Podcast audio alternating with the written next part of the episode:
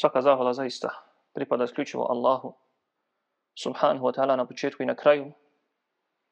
Salavat i sana, mir i spas neka je na posljednjeg Božje poslanika, miljenika Muhammeda.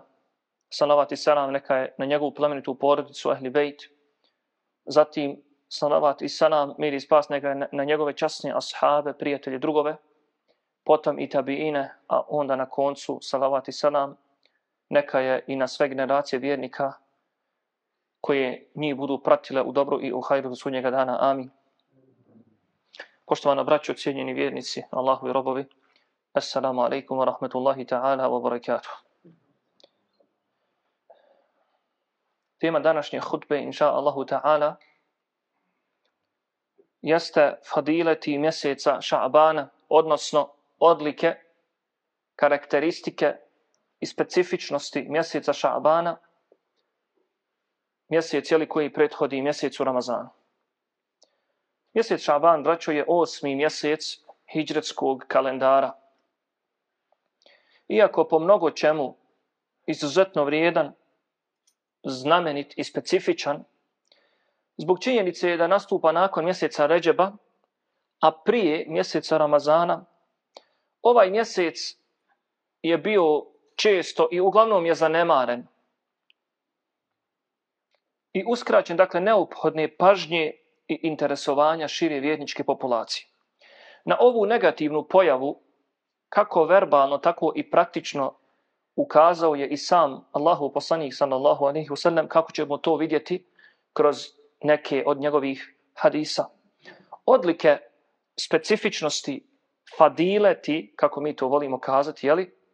vrijednosti, posebnosti i tako dalje, mjeseca Šabana, najbolje i najbliže ćemo moći utvrditi listajući stranice hadisa Allahovog poslanika sallallahu alaihi wasallam. Kada govorimo o hadisima, nemojte nikada zaboraviti i smetnuti sa uma da hadis Allahu poslanika, ili kad kažemo u sunnetu Allahu poslanika, to uključuje njegove riječi, uključuje njegova dijela, i uključuje njegov etakrir, odnosno prešutno odobravanje. Dakle, dođe Allahu poslanik i vidi ashabi nešto praktikuju i ne kritikuje. Dakle, prešuti. Poslanik, alihi salatu wasalam, njemu nije bilo dozvoljeno da prešuti išta. I sve što je prešutio poslanik, alihi salatu wasalam, mi smatramo dozvoljenim.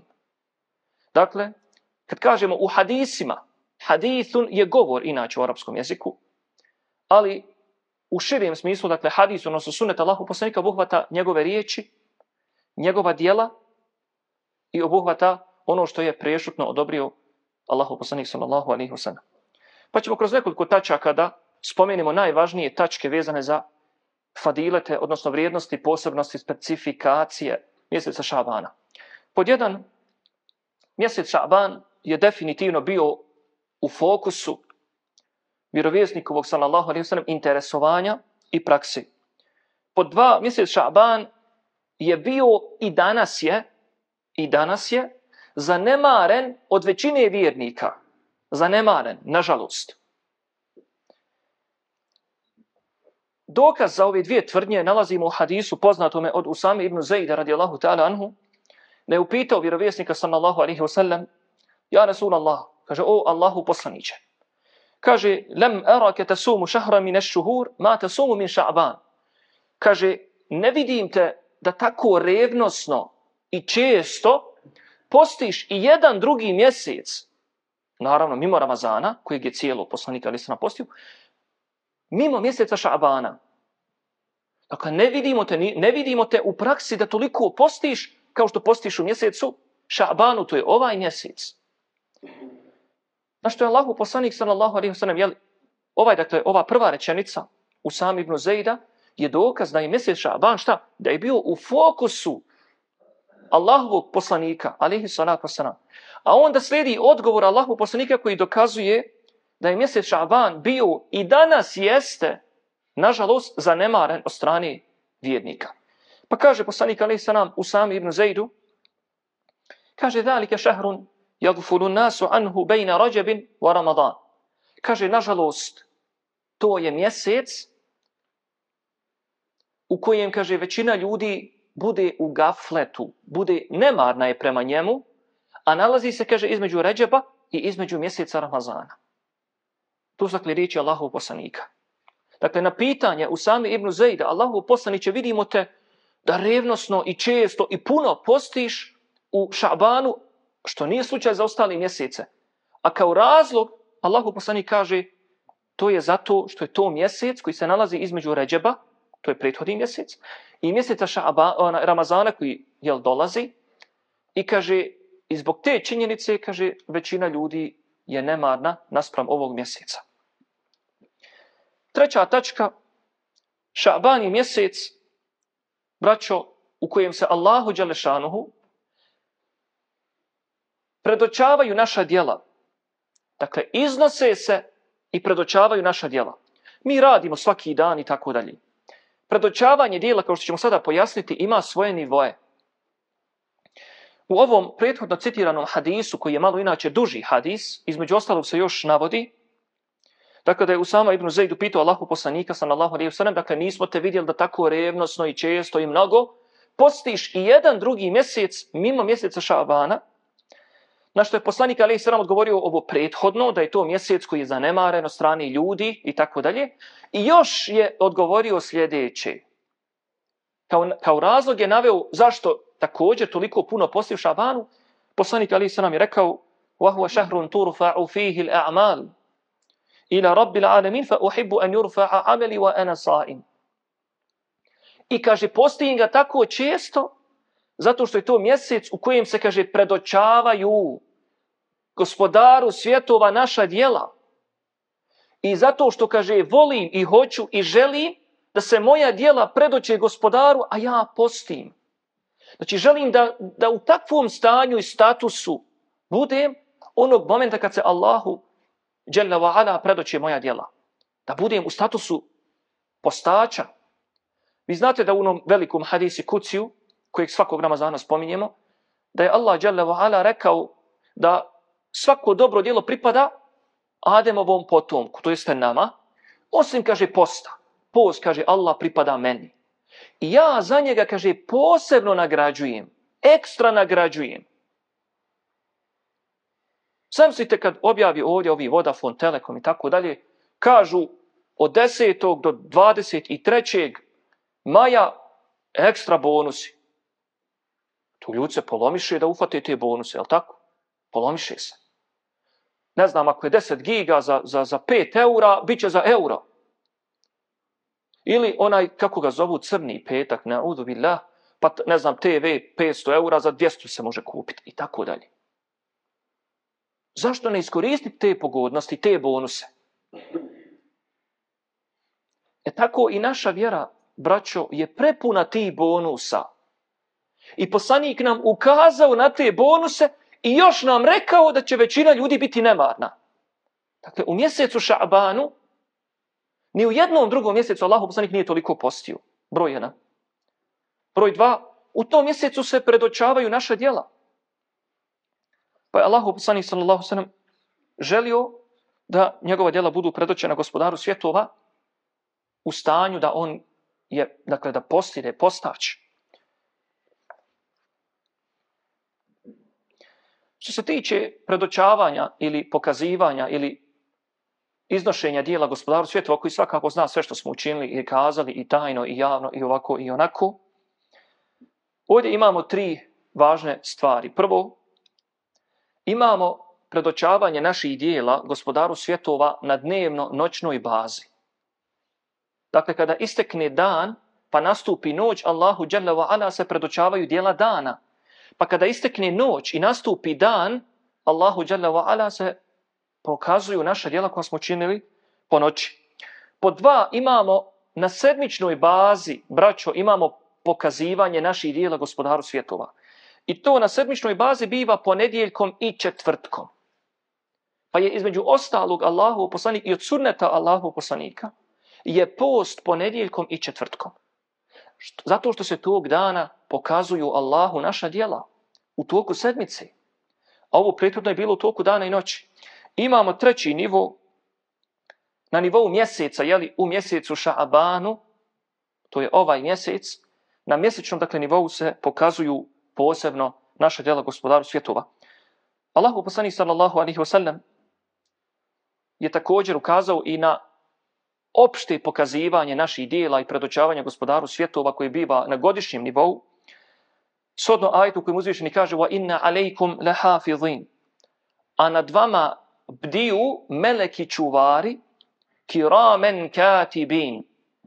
Kiramen katibin plemeniti pisari koji bilježe evo i ovdje dvojica si to je i, i sve bilježe. Kakav financam za njih? Znači financam ti je mala maca kako oni revnosno bilježe ova dvojica. Kiramen katibin Ja'lamuna ma tef'alun. Sve znaju šta radite. Sve znaju kako postupate. Što se tiče dnevno noćnog uzdizanja naših dijela gospodaru svjetova, to je došlo u hadisu. Gdje Allah poslanik poslanih sallallahu alaihi sallam kaže je ta'aqabune fiku melaiketum bil lejli wa melaiketum bin nahar. Kaže, nad vama se izmjenjuju meleki dana i meleki noći. Dakle, imaju meleki dnevni i noćni. وَيَجْتَمِعُونَ فِي صَلَاةِ الْفَجْرِ وَصَلَاةِ الْعَصْرِ Te smjene koje se dešavaju, kaže, sastaju se na sabahu i na ikindiji. Dakle, ta prva smjena melika i druga smjena melika sastaju se na, na sabahu i na ikindiji. ثُمَّ يَعْرُجُ الَّذِينَ بَاتُوا فِيكُمْ فَيَسْأَلُهُمْ وَهُوَ أَعْنُ بِهِمْ كَيْفَ تَرَكْتُمَ عِبَادِي Zatim se kaže, oni meleki koji su noćili kod vas ili među vama, kaže, penju se na nebesa. Dakle, oni što su bili na večer, pa odlaze, penju se na nebesa, pa ih Allah upita, a on to već zna. I on najbolje zna. Kejfe taraktuma ibadi. U kakvom ste stanju ostavili moje robove? Allah pita, dakle, ove noćne meleke. Našto meleki odgovaraju? Taraknahum wahum yusallun. Kaže, ostavili smo ih na ikindiji, smo ih jel, zatekli, oni klanjaju ikindiju kaže wa atainahum wa hum yusallun. A onda smo im kaže ponovo došli eventualno je li ovi što dođu na ikindiju pa će biti u noćnoj smjeni. Dakle došli smo im na ikindiju zatekli i klanjaju pa smo otišli od njih sa sabaha a oni kaže opet oni opet klanjaju. Kako dakle došlo u hadisku i beže i Buharija i ima Muslim. Od Usame ibn Zejda također se prenosi u ovom dugačkom hadisu da je rekao, ja Rasulallah, o Allahu poslaniće, kaže, inneke te sumu hata la te kade tuftir. Kaže, vidimo te da postiš, kaže, toliko često da pomislimo da nikad ne mrsiš. Dakle, dobijemo dujem da stalno postiš. A onda te kaže, vidimo da ne postiš, pa steknemo dujem da ti zapravo nikad ne postiš dobrovoljni post. Kaže, illa jaumejni in dahala aneke fi sijamike wa illa sumteha. Kaže, osim dva dana. Dakle, takva je situacija, osim, kaže, dva dana, vidimo te da ih redovno, redovno ih postiš. Kaže Allahov poslanik, eju je u meni, a koja to dva dana? Na što mu odgovori, kaže, to su ponedjeljak i četvrtak. Na što je Allahov poslanik, sallallahu alaihi sallam, odgovorio, dhalike je u mani, tu aradu fihima el a'malu ala rabbi la alamin. Kaže, ta dva dana, ponedjeljak i četvrtak, su dva dana u kojima se na sedmičnom nivou uzdižu i pokazuju i predočavaju moja dijela gospodaru svjetova. Wa uhibbu an yu'rada amali wa ana sa'im. Kaže, a ja volim da se moja dijela pokažu i prikažu i predoče gospodaru mome dok sam kao postač, dakle dok sam u stanju posta. Četvrta tačka vezana za mjesec Šaban ili karakteristika jeste da je vjerovjesnik sallallahu alejhi ve sellem postio u mjesecu Ša'banu mnogo više nego u ostalim mjesecima mimo mimo Ramazana. Pa tako se od Aisha radijallahu ta'ala anha supruge Allahu poslanika sallallahu alejhi ve sellem prenosi da je rekla kana Rasulullah sallallahu alejhi ve sellem yasum hatta naqula la yuftir. Kaže Allahu poslanik ima običaj da toliko često posti da mi smo rekli da nikad ne mrsi, pa bi on je toliko često mrsio da bismo pomislili da nikada da nikada ne posti. Ali kaže nisam vidjela Allahovog poslanika sallallahu alejhi ve sellem istekmele sijame šehrin da je upotpunio da je upotpunio post jednog mjeseca mimo Ramazana kao što sam ga kaže vidjela da to radi u mjesecu Šabanu u većem dijelu tog mjeseca. Dakle, nisam vidjela ni primijetila Allahovog poslanika da je toliko mnogo postio neki dan, skoro, kaže, pa u potpuni čitav mjesec, mimo Ramazana, kao što sam ga, kaže, vidjela u mjesecu Šabanu. Peta tačka ili karakteristika jeste da post u Šabanu je bolji od posta u mjesecu Ređebu prema jednom mišljenju Ibnu Ređeb al-Hambeli, poznati učenjak, autor dijela Lataifu al-Ma'arif, ljepote spoznaje koji je prevedeno na bosanski jezik, u ovom dijelu, dakle, Ibn Ređeb je obrati, obradio sve hijđretske mjesece, dakle, od prvog do posljednjeg. I govorio o karakteristikama i ljepotama i iznosio hadise i tako dalje, koji, dakle, govori o odlikama svakog mjeseca po naosob, Je rekao, mnogi ljudi smatraju da je post u Ređebu bolji od posta u Šabanu, jer je Ređeb, za razliku od Šabana, spada u ove takozvani svete mjesece. Međutim, kaže, ispravno je da post u Šabanu je vredniji od posta u mjesecu Ređebu, I to je dakle jedan stav učenjaka. I posljednja tačka ili karakteristika mjeseca Ređeba jeste da mjesec Šaban sadrži i poznatu Mubarek noć kao lejletu nisvi min Šaban, a to je dakle takozvana 15. noć mjeseca Šabana. Od Ebu Musa el Ešharija i mnogih drugih uče, on, ashaba Allahu poslanika se prenosi da je Allahu poslanik sallallahu alaihi sallam rekao يطلع الله إلى خلقه في ليلة النصف من شعبان فيغفر لجميع خلقه إلا لمشرك أو مشاحن Uzvišeni Allah se kaže pojavi pred robovima svojim u 15. noći mjeseca Šabana i gleda svoja stvorenja i kaže oprašta svakom njegovom stvorenju osim dvojici. Dakle, Allah Jalla wa se pojavi među svojim robovima 15. noći mjeseca Ša'bana. Ako se ne varam, danas je 13. Mjesec, 13. dan mjeseca Ša'bana. Večeras poslije Akšama je 14. noć, dakle 15. noć je sutra poslije Akšama.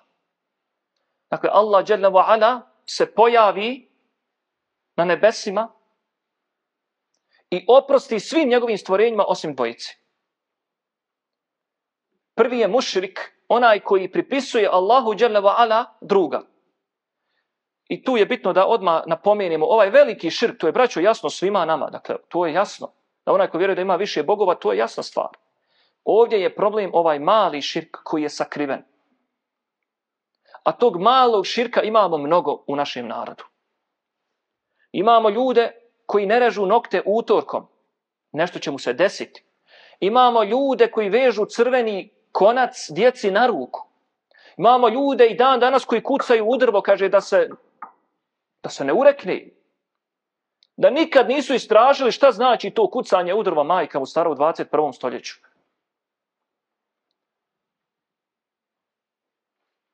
U stoljeću informacija da se ne može uzeti pročitati šta znači, šta je simbolika tog kucanja u drvo. Budiš neke, kaže, duhove tamo, historija toga. Imali ubjeđenje da određeni duhovi, božanstva, braćo, božanstva, da stanuju u nekakvom drvetu i ti kad, kad pokucaš u drvo, taj se Bog probudi i pomogne ti čisti širk. Dakle, nije širk, to je jasno ko dan da širk, kad ko kaže da ima više bogova, da Allah ima pomagat, to je jasno. Ali ovaj skriveni širk, skriveni širk, to je katastrofa, to je musibet.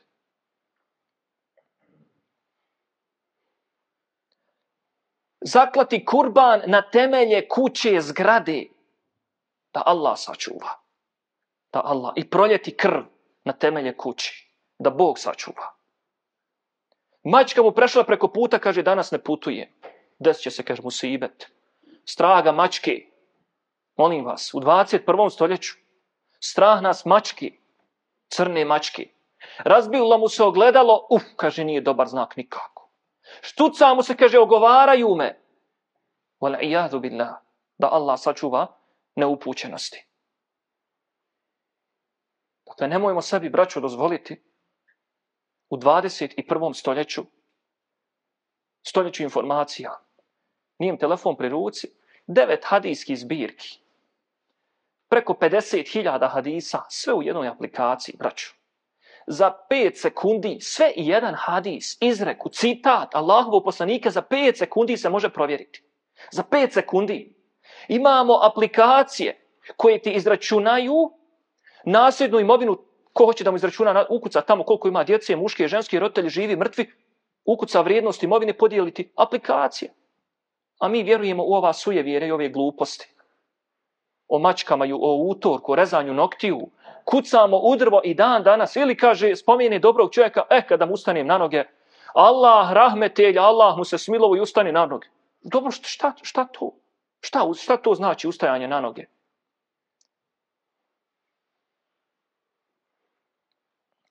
Dakle, dvojici, sutra najveće dvojici, Allah djela ona neće oprostiti. Od tolikog umeta, od tolikog umeta, da sebi čovjek dozvoli da on bude od ove dvojice. Prvi je mušrik,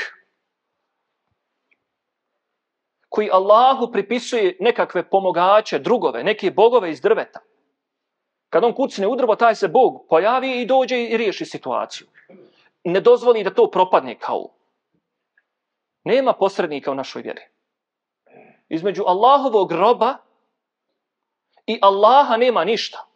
Wa idha sa'alaka ibadi anni fa inni qarib. I kada te upitaju moji robovi za mene, pa reci im da sam blizu. Uđibu da'wata da'i idha da'a. Odazivam se molbi molitelja kada me pozovi. Fel jeste džibu li wal yu'minu bi pa neka se meni odazovu, kaže Allah, i neka u mene povjeruju. Ne treba nam nikakvo kucanje u drvo, braću. Druga osoba koju Allah dželevala na sutrašnju noć neće oprostiti, jeste mušahin, a mušahin je, kako to navodi komentatori hadisa,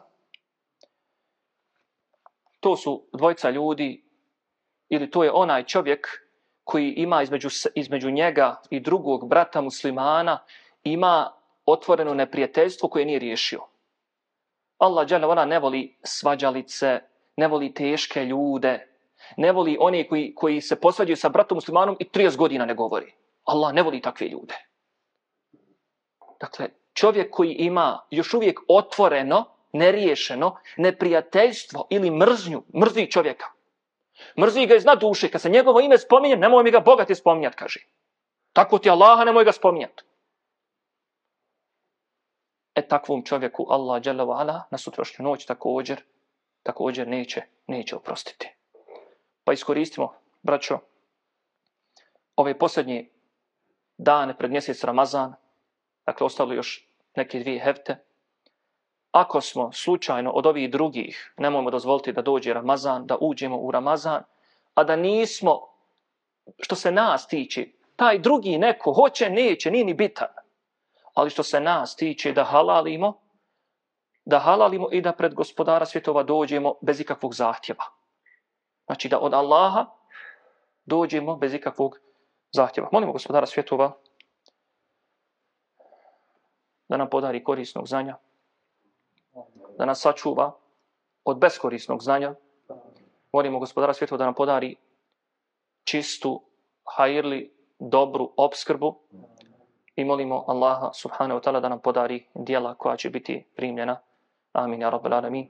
بارك الله لي ولكم في القرآن العظيم ونفعني الله وإياكم بما فيه من الآيات والذكر الحكيم أقول قولي هذا وأستغفر الله لي ولكم فاستغفروه إنه هو الغفور الرحيم واذكروا الله يذكركم واشكروه على نعمه يزدكم ولذكر الله أكبر والله يعلم ما تصنعون